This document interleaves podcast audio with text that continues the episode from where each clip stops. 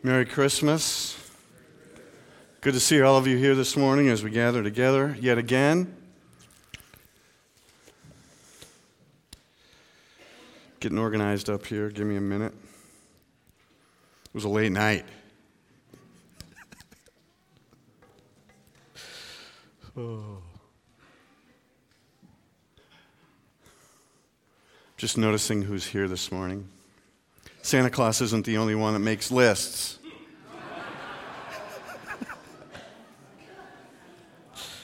Love y'all. Love you. Okay, we've been, this is our sixth, uh, sixth morning and fifth morning one evening. We've been looking at all these different words, uh, trying to re present Christ to ourselves and the world. And we began uh, the first Sunday of Advent in our series, Re Presenting Christ to the World, to look at seeing beyond what we see. Uh, var, to var it, to see it. And the second week we talked about amor. Not you, sorry about that. Uh, amor, yeah, amor. Did I say amor? Okay, thank you. Amor.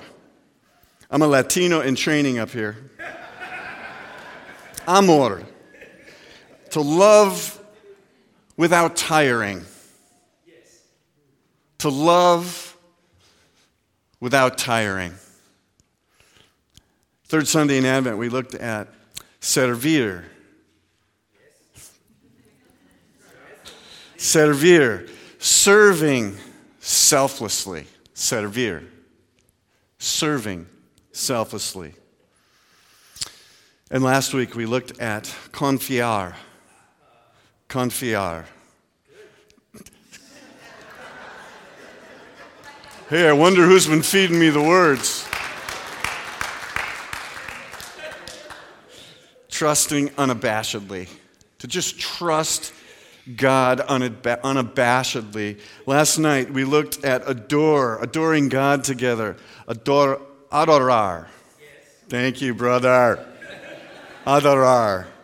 Right over there. And this morning, we want to look at, at one word. It's actually Greek word, doxa. It means to praise or it means to give glory.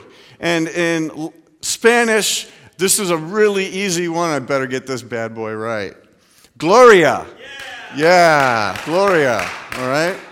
So today it's about glory. It's about glory.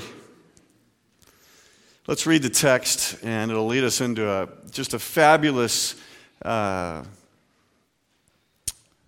picture, an image, a metaphor, and reality of the reign of God through Emmanuel present and Emmanuel to return again. Isaiah chapter 52, verses 7 to 10. How beautiful on the mountains are the feet of those who bring good news who proclaim peace, who bring good tidings, who proclaim salvation, who say to Zion, Your God reigns. Listen. I like that. Listen, listen up, por favor. He didn't even teach me that one. Your watch people. lift up their voices. Together they shout for joy when the Lord returns to Zion. They will see it with their own eyes. Burst into songs of joy together, you ruins of Jerusalem, for the Lord has comforted his people. He has redeemed Jerusalem. The Lord will lay bare, I love this, his holy arm in the sight of all the nations and all the ends of the earth will see the salvation of our God. The reading of God's holy word. Thank, word. Thanks be to God. Let's pray together. We worship you this day, God, in spirit and all truth. So many great words of faith. We want to see beyond what we see. We want to trust unabashedly. We want to serve selflessly and love without condition always, constantly adoring you, so that God, you, and you alone would receive the glory that is due to your name and to your name alone. May it be so. And in so doing these acts, your people re present Christ to the world. In your holy, strong, and loving, and forgiving, and merciful, and just name we pray. Amen. Well, we're kingdom people, right? We really are. Kingdom of God people. It's a different politic. It's not liberal. Wait, which side is left? Liberal, conservative, anything in between. It's a totally different politic. But the people of God, the kingdom of God, we've got a very viable stump speech. We really do. But it's a stump speech that's very quiet. It's a humble stump speech. We go about our business quietly, subversively, Emmanueling, God withing us into the world, and that is a pretty solid platform, if I don't say so myself. But this platform, it's not about what we see in the news and experience on CNN or MSNBC or the other one, Fox. It's not about the empire. It's not about geopolitics. It's not about militarism. It's not about having the best in class weaponry. It's not about nukes. It's not even about military intelligence or cyber security, anxiety, or tweets Instagrams, Facebook posts. It's not about any of that stuff. And nor is it about controlling the markets and padding our portfolios. The rest of the world debates all that stuff and they salivate over it. But we, the church, the church of Jesus Christ, we're a different politic. We gather together. While the rest of the world gives gifts, we give glory. We give glory to the King of Kings and the Lord of Lords. Can you say that with me? We give glory. That's our politic. It's more than that, but it certainly is that, at least this morning. It's about being humble and vulnerable and creating safe and open spaces and open places for Emmanuel, God with us, to enter in, to order gospel like change in our midst. Because, friends, the presence of God, Emmanuel, is Emmanueling in and amongst us, and that always precedes whatever we do. And so, Emmanuel is here. Friends, watch out. So, today, listen up, por favor. I believe we can present Christ to the world by enacting five behaviors, and you've heard them before, but we're going to do it again. We see beyond what we see. We vetter beyond what we vetter. We see the world as it is, and we allow the Holy Spirit of God to Emmanuel in our midst and quietly and vulnerably bring about transformation so, until the world is the way God wants it to be. And so when we there and see the images that we see that, heart, that are heartbreaking on TV from, doesn't matter where, Aleppo, Berlin, the list is long and large and ever growing. Thousands of people fleeing for their life. We there, we see something else. We see the people of God gathering together to worship as an alternative politic to the violence of the world. And we see the people of God gathering to worship still in Aleppo as it's under siege. The people of God are still there. They worship just like we do, under a lot more anxiety, however. And we also see beyond what we see. We see as, as refugees flee and, and they flee to different places, the people of God in all of these other different places are readying themselves and preparing themselves now to receive these refugees. Because that's Emmanueling in our world midst. And we will open our homes, for God is with us. And that's God working in all things good for those who are called according to his purpose. My friends, the world gives gifts, but today we give glory. Man, I so love you, buddy. That's our first behavior. We see beyond what we see. Second behavior, sorry. Second behavior, I wrote this at like 2 in the morning. Second behavior in representing Christ to the world. We love without tiring. We amor without tiring. Because when we look at the world, and we don't have to look far, we don't have to look hard, and I'm asking us not to judge from a political perspective. I'm asking us to see the world the way God sees the world. And we experience racism and bigotry and misogyny. We see that world as it is. And yet, and yet, God's people behind the scenes, in the mix, are rushing towards it, calming, quieting. In the aftermath of Ferguson, a group of pastors met.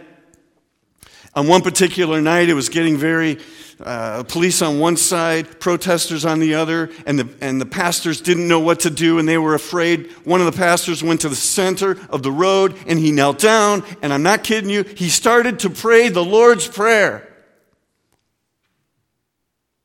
That didn't make any news coverage. But emotions subsided, no rocks or worse were thrown. Why? Because we love without tiring.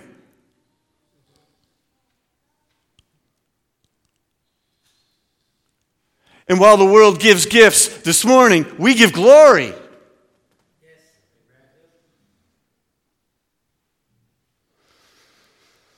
Our third behavior in representing Christ to the world because Emmanuel is with us is that we servir. We serve selflessly. We serve selflessly.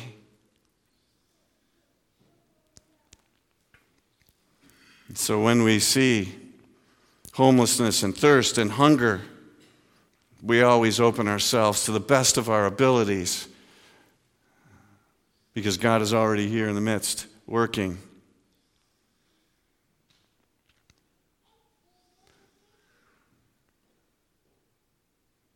In a world that wants to break people down and create categories for them by color or race or ethnicity or religion, we see God's people working for the reality of Christ because in God's world there's neither Jew nor Greek, male nor female, slave nor free, for we are all one in Jesus Christ.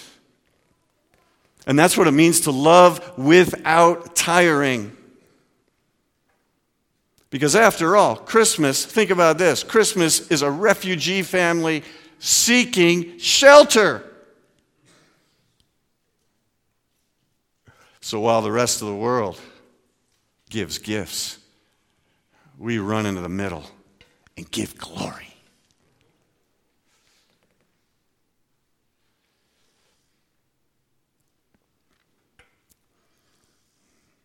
Serving selflessly means that when potable water isn't available for a majority of humankind, we're making sacrifices. Or when a majority of the world doesn't have shoes to wear or eyeglasses to see through, we run to local shops and buy a pair of shoes so that another one can be sent, or buy a pair of eyeglasses so that someone else around the world can actually see, and we're willing to pay an extra 20 bucks. Because we are called to servir selflessly. And it's the people of God that are starting these all around the world. Yeah, my friends, while the rest of the world gives gifts today, the people of God, we give glory.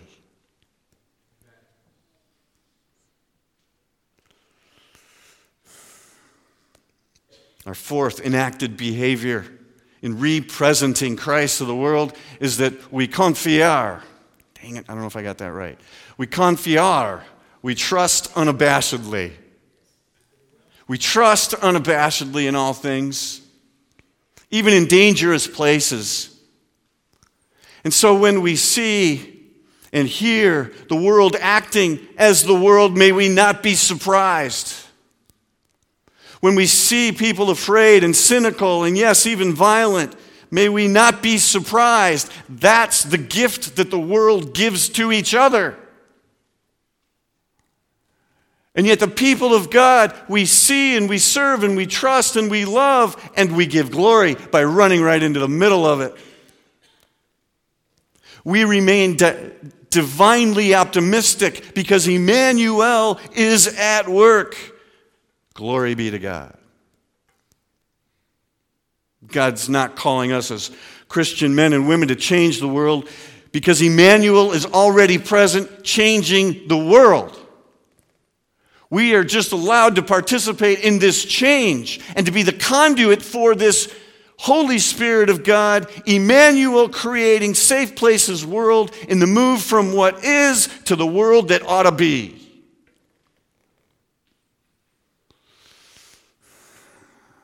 So we trust unabashedly in dangerous places because God's already there. One person at a time, one family at a time, one neighborhood at a time, even one tired and dying tiny little urban church at a time. We trust unabashedly, and we lean into the realities of the profundities of what it means to represent Christ to ourselves and to the world.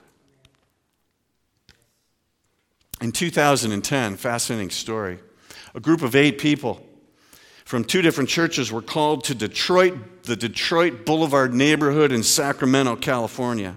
It was known as the most crime ridden neighborhood in all of Sacramento.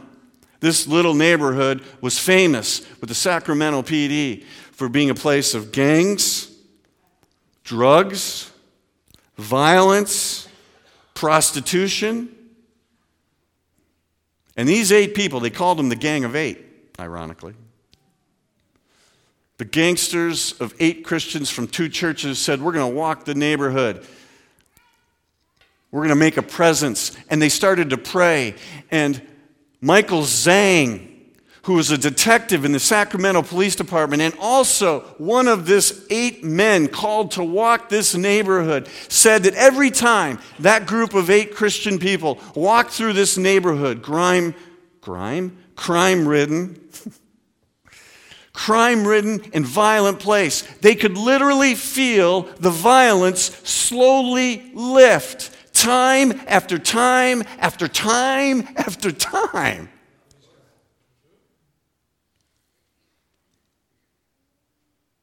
Between the years 2013 and 2014, crime went down. Are you ready for this? There were no homicides, there were no drug uh, arrests, there was no prostitution charges, there was simply one charge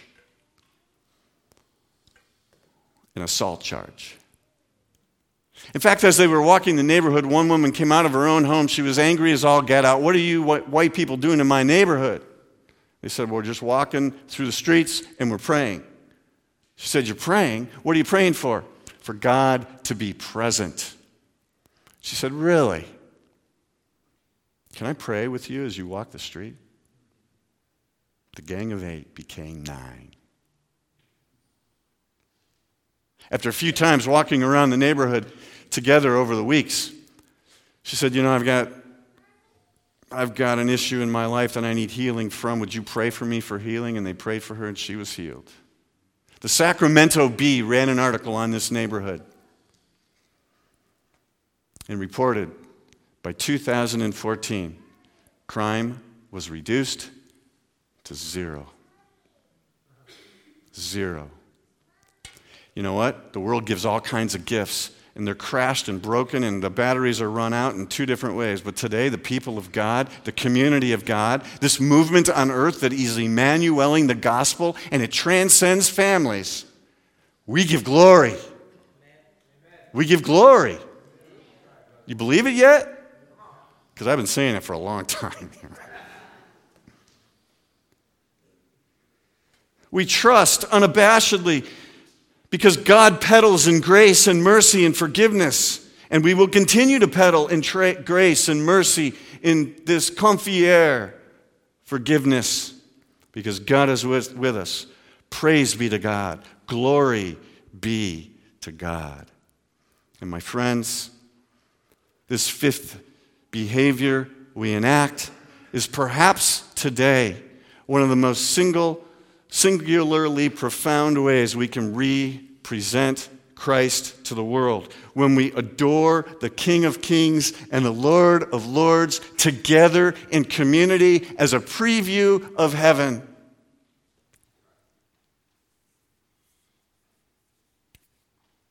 What we do here on a Sunday, it's, it's not a country club experience. When the plate comes by, we're not paying our dues. We are the movement called the kingdom of God on planet Earth, and it's greater than all of us in this place. Every church that meets for worship today, we are a part of that Holy Spirit driven movement. All of us, all of us, the church, capital C, representing Christ to the world. The, the world gives gifts, and I need your help on this. But we give we give glory. So we adore this God together as a preview of heaven. Because when the world wants to border off people groups and nations and religions and give them names so that we can domesticate them and control them better, we gather together called the church, a movement, the kingdom of God as a preview of heaven. This is ought it to be a preview of heaven. Because in heaven, there's not an organ corner, and people that like organ, you go over to that corner. In heaven, there isn't a, there isn't a country western corner, although I'm not going to visit that one. And, and you head over there, although I am starting to like Chris Stapleton a little bit more. There's not a chant corner for those that like chant. You go over to that corner over there, you worship over there. There's not an a cappella corner. There's not a chorus choir corner or a band corner. Those corners in heaven don't exist. There isn't a corner for those that can only read notes. There isn't a corner for those that can only read chords. There isn't a corner for people like me that can't read notes or chords or sing. In heaven, there's only people gathering together to sing glory, honor, adoration, and praise to the King of Kings and the Lord of Lords. The world gives gifts, we give glory. Right? And that's the strength of worship. It's the communal ordering of Democrats and Republicans and Euro Anglos and Latinos and Far Eastern and African American and Islanders and First Peoples, all generations. The silent generation, the boomers, the builders, the busters, the millennials, different economic backgrounds, the sheltered, the homeless. We all gather together in heaven, as a, and we gather in this place as a preview of heaven because Jesus Christ is at the center. The world gives gifts, but we give glory.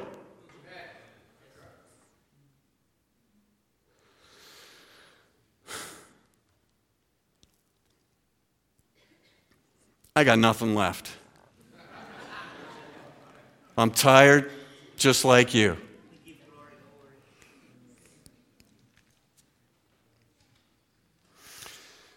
I, often think about what heaven might be like, because really, who knows, right? And about the closest thing I can ever think of is a biggest stadium I've ever been to, which I, I don't even know if I know what that is. I think the Metrodome holds 80,000 people or something like that. And, uh, how much does Angel Stadium hold? Does anybody know? 48? How about Dodger Stadium? 54? That's not big enough. You ever been just think of the biggest stadium you've ever been into. I mean, we got all kinds of people in that place, right? People are worshiping whatever sport or concert's going on. But imagine, imagine for a moment, stretch the imaginations. People giving glory to God. That's a, that's a scratch on the surface of what glory is going to look like. And there's only one person, there's only one being that can get it done. Emmanuel. So, one last time While the world gives gifts, we give glory. Let's pray. Amen. And whoever clapped, that was awesome. I always wondered what it would be like to be clapped for after a message. You don't have to do that.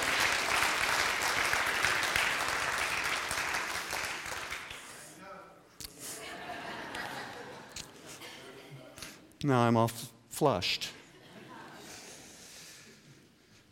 Merry Christmas to you and your family. Thanks for taking the time to worship with us this morning and last night and over the last few weeks. It's been an honor and a privilege to put this together, and I think, I think everyone's done a fabulous job. And I am so deeply grateful. Merry Christmas to you and your family. And now let's pray. and to you.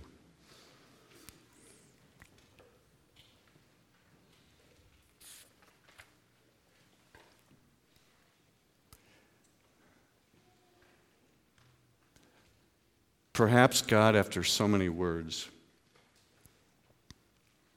only one word is appropriate, or a small, short series of words. Glory to God in the highest, and on heaven and earth, peace, goodwill towards men, women, and children everywhere. Because while the rest of the world gives gifts, we give our gift of glory, honor, adoration, worship, and praise to you and to you alone. And that is the only proper ordering for this Christmas day. May love reign supreme. In your holy name we pray. Amen.